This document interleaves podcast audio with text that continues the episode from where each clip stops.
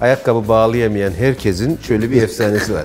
Einstein ayakkabısını bağlayamamış liseye kadar. Einstein da bağ Ben bağlayamıyor. erken bağladım. Bütün arada sorun Einstein'ın bağlayıp bağlayamadığını bilmiyoruz. Biraz gündem dışı ama dünyanın en zeki insan olduğuna dair de ortada bir bilimsel araştırma da yok. Bir koleje giden çocuk şu anda yaklaşık, tam rakam hesaplamadım ama 10 bin saat civarında İngilizce alıyordur. Finalde konuşabiliyor mu? Sonuç ortada. Sonuç ortada. Çoğu konuşamıyor. Bu defa e ben 10 bin saat çalıştım yapamadım gerizekalı mıyım? Heh. İşte en, en büyük sıkıntı da burada. Birileri çalışıyor çalışıyor daha kısa sürede çok hızlı ilerleme Evet. sağlıyor. Öbürü diyor ki ulan biz bu kadar dirsek çürütüyoruz ya da bu kadar sene yaptık bunlar öğrenemedi bunlar salak falan gibi. Tam da öyle. Yani esas burada insana dair olan şey abim mekanik kısmı değil duygusal kısmı orayı Duygusal çıkarmak. kısım. Şimdi peki bir eğitimci olarak ben iki tane teori var. Birini seçeceğim diyelim. Hani öyle bir zorunluluğumuz yok ama. Ya 10 bin saat kuralı mı değerli? Öğrendiğim şeyin bir bağlama oturtulması ve bir amaca bağlanması mı önemli derseniz elbette ki bir bağlama oturtulması ve amaca bağlanması der. Ali'cim şimdi benim hani uzunca bir süredir de bana çok gelen mevzulardan bir tanesi olduğu için ara ara seninle temas ettik ama bir üzerine tam konuşmadık. Bence özellikle yetişme çağındaki önemli hususlardan bir tanesi hayatta geliştirdiğin beceriler üzerine ustalaşmak. Yani onlarda derinleşmek, böyle işte nasıl diyelim çabasız bir şekilde yapabilir hale gelmek her ne yapıyorsan. Bunun da böyle çok gezinen bir kuralı var. Malcolm Gladwell'in kitabında yazdığı bir 10 bin saat kuralı var meşhur. Şimdi bir şeyde usta olmak istiyorsan işte ona 10 bin saat vakit yatırırsan usta olursun diyor. Böyle olmuyor öncelikle Ee, ama bu o kadar bir harcı alem bir bilgi oldu ki herkes konuşuyor. Ve işte hatta yakın zamanda bir e, Üstün Dökmen'le galiba e, Mümin Sekman arasında da bir gerginliğe sebep olmuş bu durum. E şimdi e, orada bir gazetecinin bir çalışmayı biraz bağlamından çıkararak aslında makul ve mantıklı bir şeyi eksik söylemesinden kaynaklı bir sorun olduğunu düşünüyorum. Biz bir ne bileyim mekanik bir cihaz gibi devamlı tekrar edebilen varlıklar değiliz. O tekrar için başka bir şeylere ihtiyacımız var. Yani sadece saatle, sayıyla ölçülebilecek bir durum yok. Ee, mesela bu sen özellikle eğitimle yani beceri kazandırmakla, insanlara bir şeyler edindirmekle ilgili bir şeyler yaptığın için sende nasıl duyuluyor bu 10 bin saat kuralı gibi bir şey ve insanlarda hakikaten böyle bir formül görünüyor mu baktığın zaman? Biraz üzerine sohbet edelim istiyorum. Tabii. Önce hani bu sen de girizgahında bahsettin. 10 bin saat ya da benzer kurallar kulağa hoş, kolay tüketilebilir geldiği için kabulleniyoruz. Özünde de söylediği şey yanlış değil. Yani çalışmak kötü olur mu? Ne kadar çok çalışırsak o kadar iyi olur gibi zaten hazır bir kalıbımız olduğu için üstüne de tatlı bir 10 bin saat gibi kulağa da çok iyi gelen bir şey olduğu için Yuvarlak rakamda. yuvarlak rakamlar. Bir kere orası e, bir şey. Zaten tartışılan devamında da konuşuruz kısım o. Şimdi sen anlatırken aklıma bir şey geldi. Ben geçenlerde e, Henry Ford'u ben çok beğenirim şu anlamda. Hani kişisel gelişim kitapları içinde böyle abilere ihtiyacımız var. Onların hayatından bir şey bulacağız, anlatacağız. Ona göre de işte babası böyleymiş, annesi böyleymiş, okuduğu okul böyleymiş. Neye inanıyorsak e, başarmış insanların hayatında ona dair bir şey buluyoruz. Bak aynı ben. Aynı ben demek için. Yani ayakkabı bağlayamayan herkesin şöyle bir efsanesi var. Einstein ayakkabısını bağlayamamış liseye kadar. Ben de bu arada ortaokula kadar bağlayamadım. Bunu yıllarca da sattım. Einstein da bağ Ben bağlayamıyor. erken bağladım. Bütün sorun Einstein'ın bağlayıp bağlayamadığını bilmiyoruz. Biraz gündem dışı ama dünyanın en zeki insanı olduğuna dair de ortada bir bilimsel araştırma da yok. Nerede ölçülmüş, bu test nerede yapılmış bilen de yok. Şeye gelince, ha e, Henry Ford'la ilgili bir tweet attım ben. Tweetten kastım şu. Galiba yine Twitter'da ya da başka bir mecrada gördüm. Birkaç tane de baktım. Ee, bir çiftlikte yetişmiş o. Ee, babasıyla ilgili de çok güzel şeyler var. Ee, hikayeler var yani Henry Ford'un gelişimiyle ilgili. Orada da bir tane atölyeden bir resim var. Ee, işte orada çalışma aletleri falan. Şimdi hikaye zihnimde çok oturdu. Çünkü Henry Ford'un yaşam hikayesini okumuştum. Orada da bir bölüm vardı. Not da etmiştim onu. Benim bütün oyuncaklarım aletlerdi. Şimdi de bütün oyuncaklarım aletler. Diyerek aslında o alet falan onun üzerinden hikayede uyunca hiç sorgulamadım şeyi. Henry Ford'un babasının atölyesi diye altında da bir not olunca fotoğrafı da aldım. Çünkü o sırada her Amerikalı çiftlikte de Amerikalı'nın çiftliğinde büyük ihtimalle öyle bir atölye vardır. Çünkü tamircilik çağı. Zaten sonra garaj kültürüne dönüşüyor. Tabii. Sonra e, onu yazdım. İşte güzeldi. Ford'un ilk ARGE merkezi diye de havalı bir e, şeyle, tweetle bunu paylaştım. E, alta arkadaşımız yorum yazmış. E, Hocam ben buna baktım. Bir çiftlik müzesi gibi bir müzede Ford ailesiyle de herhangi bir bağlantısından bahsedilmiyor. Şimdi önce bir bozuldum. Ya konu o mu demeye getirdim zihnimde. Sonrası ben de buna çok bakarım. Yani bu 10 bin saate de öyle bakmıştım zaten. Sonra baktım hakikaten de o çiftlikten değil. Yani o müzeden buldum. Öbürü hırs yaptım. Ya kesin Ford'un ailesinde de böyle bir şey vardır. Yok. Çok daha güzel fotoğraflar buldum. Sonra e, teşekkür ederim eleştiriniz için. İşte ben ona değildi şuna bakmıştım falan dedim. E, sonra o da e, rica ederim ama böyle fake değil de ona benzeyen bir kavramla aşağılayan bir şey söylüyor. Ben dedim burada fake olan ne? Fotoğraf dedi. Yani çok doğru bir iletişim kurdu. E, e, ismini hatırlayamıyorum o arkadaşın. Veremiyorum kusura bakmasın izlerse. Çok doğru bir şey yapıyor. Ben de öyleyim. Çünkü bazen çok doğru bir şeyi yanlış bir araçla anlattığımızda onun arkasındaki doğru fikri de zedelemiş oluyoruz. Evet, bağlamından çıkıyor. Bağlamından çıkıyor. Evet. Şimdi 10 bin saat kuralının başına da o geldi. Yani o onu söyledikten sonra Gladwell herkes artık bunu bir gerçek olarak kabul etti. Hani ben söylemiyorum Kolombiya Üniversitesi söylüyor diye de arkaya bir şeyi koyunca e, hepimiz okudu, inandı, söyledi. Sonra 10 bin saat kuralında benim de zihnimi kurcalayan bir şey var diye baktığımda araştırmayı yapan profesör kitap çıktığında şöyle bir açıklama yapıyor. Diyor ki ya bana hiç sormadı ki. Vallahi ben demedim. Yani ben ona benzer bir şey söyledim.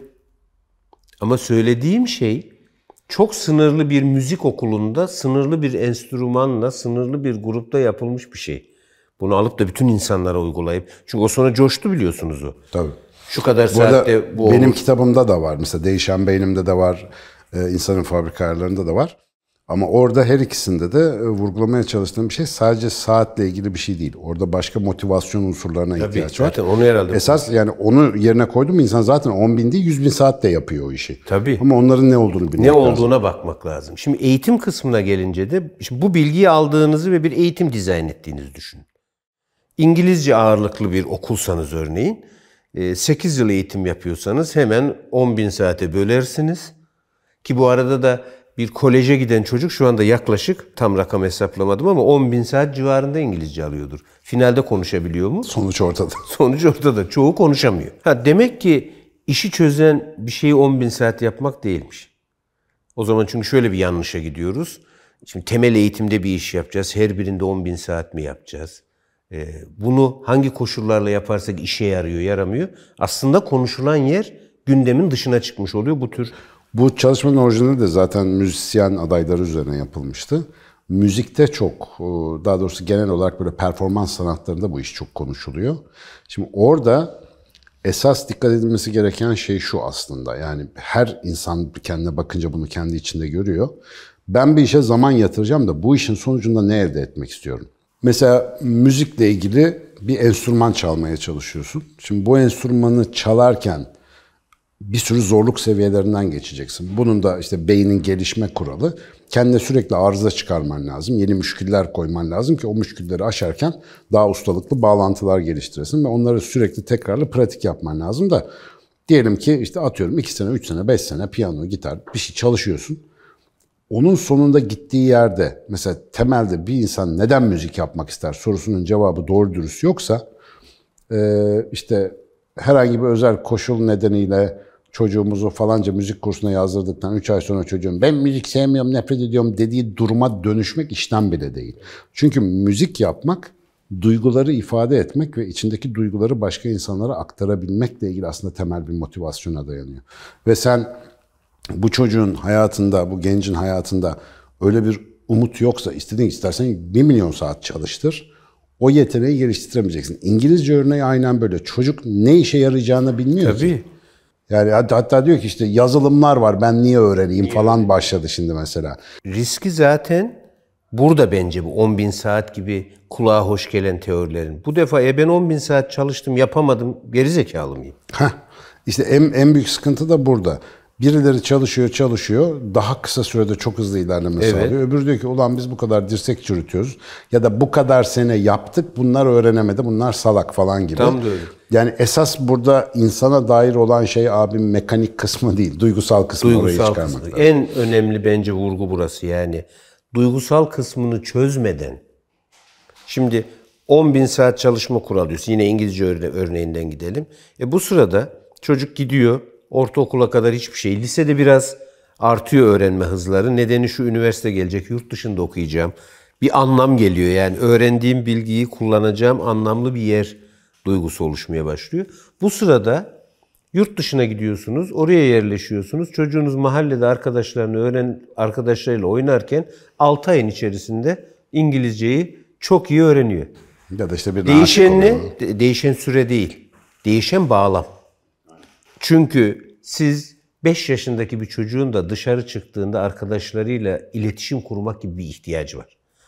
Artık o ihtiyacı karşılıyor. Şimdi peki bir eğitimci olarak ben iki tane teori var. Birini seçeceğim diyelim. Hani öyle bir zorunluluğumuz yok ama ya 10 bin saat kuralı mı değerli?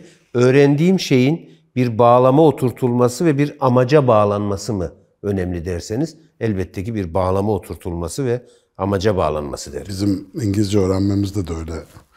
Metan sen ne bir tane şey oynuyordun araba oyunu neydi o? Bir baktım Metan bayağı İngilizce direktifleri falan anlıyor. Normalde İngilizcesi Çincesinden bir tık kötüydü. Ama araba oyununa kaptırınca mesela oradaki muhabbetleri an. Bu arada yani oyun oynamak için çok elzem de değil. Ama oyunun içerisindeki senaryoda orada konuşulan şeyleri anlamak, kaptırma e, şeyini arttırıyor ya. grubun oradaki havalı grubun bir parçası olmak. Şimdi bunlara kafa yormak bence daha önemli. Yani kulağımıza hoş gelen teoriler. Yani biz bunu şunda da yapıyoruz. İşte çoklu zeka kuramı, e, Montessori, Waldorf yani hep bir aracın bizim çocuğumuzun bütün hayatını ya da bizim hayatımızı değiştireceğine o kadar inandık ki bütün bu araçlar temelde doğru ilkelere dayanır. Bu arada durduk yere çıkmıyor. Temelde doğru ilkelere dayanır. Ama o kadar havalı ve büyük hale gelirler ki temeldeki doğru ilkeler görünmez hale gelir. Abi kişisel gelişim kitapları, böyle yöntemler, böyle formüller bak bunların hepsi nereden çıkıyor aslında biliyor musun? Kendini herhangi bir işte ustalaşmaya değer gören insanların uyguladığı ya da bulduğu yöntemler bunlar. Ya da o insanları izlerken e, mekanik olarak gördüğün kısım. Halbuki o insanlar e, bir enteresan paradoks vardır mesela. Kişisel gelişim kitapları insanları geliştirmiyor. Ama kişisel gelişim istidadı olan insan ne okusa gelişiyor. Öyle bir durum var. Ve genellikle de o işte senin Henry Ford örneğinde falan filan o tip böyle anekdotal alıntı yaptığımız insanların hayatlarına mekanik bazda bakınca bazı şeyler görebiliyorsun gerçekten. Onların yöntemlerini bir şeye değiştirebiliyorsun. Ama önemli olan o duygusal motivasyonu oluşturacak anlatı, anlam, hedef, işte amaç neyse o, o mefkureyi kurmadan, o fikirsel altyapıyı kurmadan insana kendini değerli bir ajan, değerli bir fert gibi hissettirmeden yani ferdiyet derdi ya eskiler. O makama koymadan geliştirmenin mümkün olmadığını anlamamız lazım. Yani insan kendi gelişen bir varlık. Yani böyle treadmill üzerinde koştura koştura fareler gibi eğitebileceğimiz bir şey değil. Bu e, işte mesela 10 bin saat kuralı aslında temelde baktığın zaman doğru. Ama bu bağlam içine yerleştirdiğinde zararlı olan bir slogana dönüşüyor. Çünkü artık at gibi koşturmayı anlıyoruz. Devamlı test çözdürmeyi anlıyoruz. Devamlı bir takım hedefler peşinde koşmaya. Ya bu çocuğun, bu insanın hayatında aga ben bu işi niye yapıyorum diye sorduğu zaman kendisini gaza getirecek bir cevabı yoksa mesela, hatta etkin bir nedeni yoksa kaç bir saat yaparsan yap yani. Bunun çok bir etkisi yok. Yani hedefe doğru giderken bir sürü yol var. Şimdi biz çoğunlukla hedefi oraya koyuyoruz. Kendi yolumuzu bulmak değil ki bu işte benim yolumla senin yolun kesişebilir de. Ayrışabilir de. Bazı işlerde ve bazı iş yapma biçimlerimizde çok benziyordur. Bir kısmında benzemiyordur. Ama biz aynı yolu, aynı yöntemi uygularsak herkesin aynı yere ulaşacağını zannediyoruz ama ya aynı yere ulaşma heyecanımız bile aynı değil. Yolda başımıza gelen şeyleri algılama biçimimiz aynı değil. Yani bu nedenle kişisel gelişim kitapları, eğitimleri ya da diğerlerinin çok temelde kaçırdığı bir şey bana göre duygu kısmı. Çocuklarla ilgili de şu yöntemle matematik öğretirsek öğrenirler. Şu kadar problem çözerse, bunun aynısı üniversite sınavlarında da. Bizimkiler çok havalı anlatamamışlar da. Ama her sınava hazırlayan öğretmenin öyle efsaneleri vardır. Günde 300 test çözmeyen iyi bir şeye giremez. Şimdi e, ben sosyoloğum, biz sonuçta mantık dersinde mantıksal çürütmeler yaparken de kural nedir? İşte bütün kuğular beyazdır. Şimdi bütün kuğular beyazdır diyebilmen için bütün kuğuları görmüş olman lazım. Çoğunlukla görmeyiz. Çoğunlukla gördüğümüz kuğular beyaz. Ama bu önermelerin kolay çürütülebilir olması da şudur. Bütünlü önermeler tehlikelidir. Niye? Bir tane siyah kuğu her şeyi bitirir. Şimdi bu tarz teorilere çok bel bağlarsak o teorideki bir çürüme yani 10 bin saat boyunca çalışmış ve başaramamış insanların hikayesi bizi o işin temelindeki çok çalışarak bir yere gelebilirsiniz felsefesinden koparabilir. Ee, bu 10 bin saat hikayesiyle ilgili kitaba koymayı düşündüğüm, ya bir analoji kurmayı sevdiğim bir hikaye var da işte bu değişik kültürlerde anlatılır. işte Aziz'in bir tanesi elinde tesbih böyle zikir yapıyormuş, oturmuş bir yere. Ondan sonra biri gelmişti, ne yapıyorsun falan filan. O demiş ki Tanrı'nın isimlerini işte sayıyorum falan. Ya demiş, e, işte niye demiş boncuklar demiş belli bir sayısı var işte ona göre falan. E demiş sen sevgiline çiçek toplarken kaç tane olduğunu sayar mısın falan gibi bir hikaye var. Yani şimdi sayıyı saydığın zaman işin safiyetinin bozulmasına dair güzel bir hikaye. Şimdi mesela 10 bin saat kuralının nerede görüldüğüne baktığın zaman birileri bir şey yapıyor sen onu ölçüyorsun diyelim 10 bin saati çıkarttın. Ama mesela o insana sorsan diyelim ki 5 yıl boyunca her gün işte bilmem kaç saat çalışmış birine ya işte ne kadar vakit harcadın bu ne diye sorsan bilmem ki diyecek. Yani fark etmedim bile. Mesela Einstein diyorlar bir daha gelsen ne yapardın farklı? Daha çok keman çalardım diyor. Akış dediğimiz o zihinsel durum var zaten insanda. Bu bir kere tetiklendim zaten zamanı, saati, açlığı, susuzluğu unutuyorsun ya öyle bir şey. Peki o ne zaman tetikleniyor? Bir konuya motiveysen, gittikçe artan zorluklarda ustalaşma basamaklarını tırmanmaya başlamışsan, yaptığın iş karmaşıksa, senin ruhuna, meşrebine, e, kişiliğine uygunsa, bütün bunlar birleştiği zaman ve işin içinde bir de risk varsa, yani böyle çok canına dişine takıp çalışmanı gerektirecek bir şey varsa, işte diyelim bir son mühlet, bir sosyal rezillik ihtimali, bir can tehlikesi bunlar varsa, o zaman sizin zaten beynin başka bir moda geçiyor. Şimdi bak 10 bin saat kuralında burası hiç anlatılmıyor. Yani 10 bin saat yapabilen adamın onu yapmasının bir nedeni var. 10 bin saat yapması nedenin kendisi değil. İşte burada ters nedensellik, işte korelasyon ve ne diyorlar ona? Correlation and causation diye bir ikilem var. Yani birlikte olan şeyler birbirinin nedeni oluyor anlamına gelmiyor. Dolayısıyla biraz ters bakıyoruz galiba ama e, belki de senle biraz daha duygusal eğitim üzerine acık konu. Bunu konuşmadık da şimdi fark Bu ediyorum. arada burada en önemli şeylerden biri unuttuk. Bir sonraki gündemimiz duygusal eğitim olsun. Evet yani çünkü önemli bu ustalığa ilişkin nedeni insan ancak duygusal olarak yerleştirebiliyor içine. Akli, mantıki falan çalışmıyor abi o sistem. E sen de ben de öyle değil miyiz yani? Ciğere göre gidiyoruz işte içimizden ne geliyorsa. Ve onun için binlerce saat harcıyoruz ve fark etmiyoruz. Ve yarın bir gün eğer bir şey becerirsek ya da becerdiysek birileri bakıp diyecek ki bu adamlar 10 bin saat çalışmış. İyi de o değil ki konu. O değil. Tabii Başka bir Çok iyi örnek verdin. Şimdi biz bu seriyi çekiyoruz hakikaten epey zaman harcıyoruz. Bir yerlerden kalkıyoruz, geliyoruz. Ne konuşalım, ne yapalım. Ama ben burada kaç saat harcadığımı gerçekten hiç hesaplamıyorum. Çünkü çok keyifli zaman geçiriyorum. Arada oturuyoruz. 204 bölüm önce Can Sonacağı'ndan kaç saat eder abi? Biz olduk bence. Tabii. Burada da bu da gidiyor o tarafa doğru Orada yani. gidiyor. Yani kaç saat çalıştığın değil, saate bakma ihtiyacı duymadan kaç saat çalıştığın bence daha kıymetli. Vallahi bunu çizerim altına. İşte bu.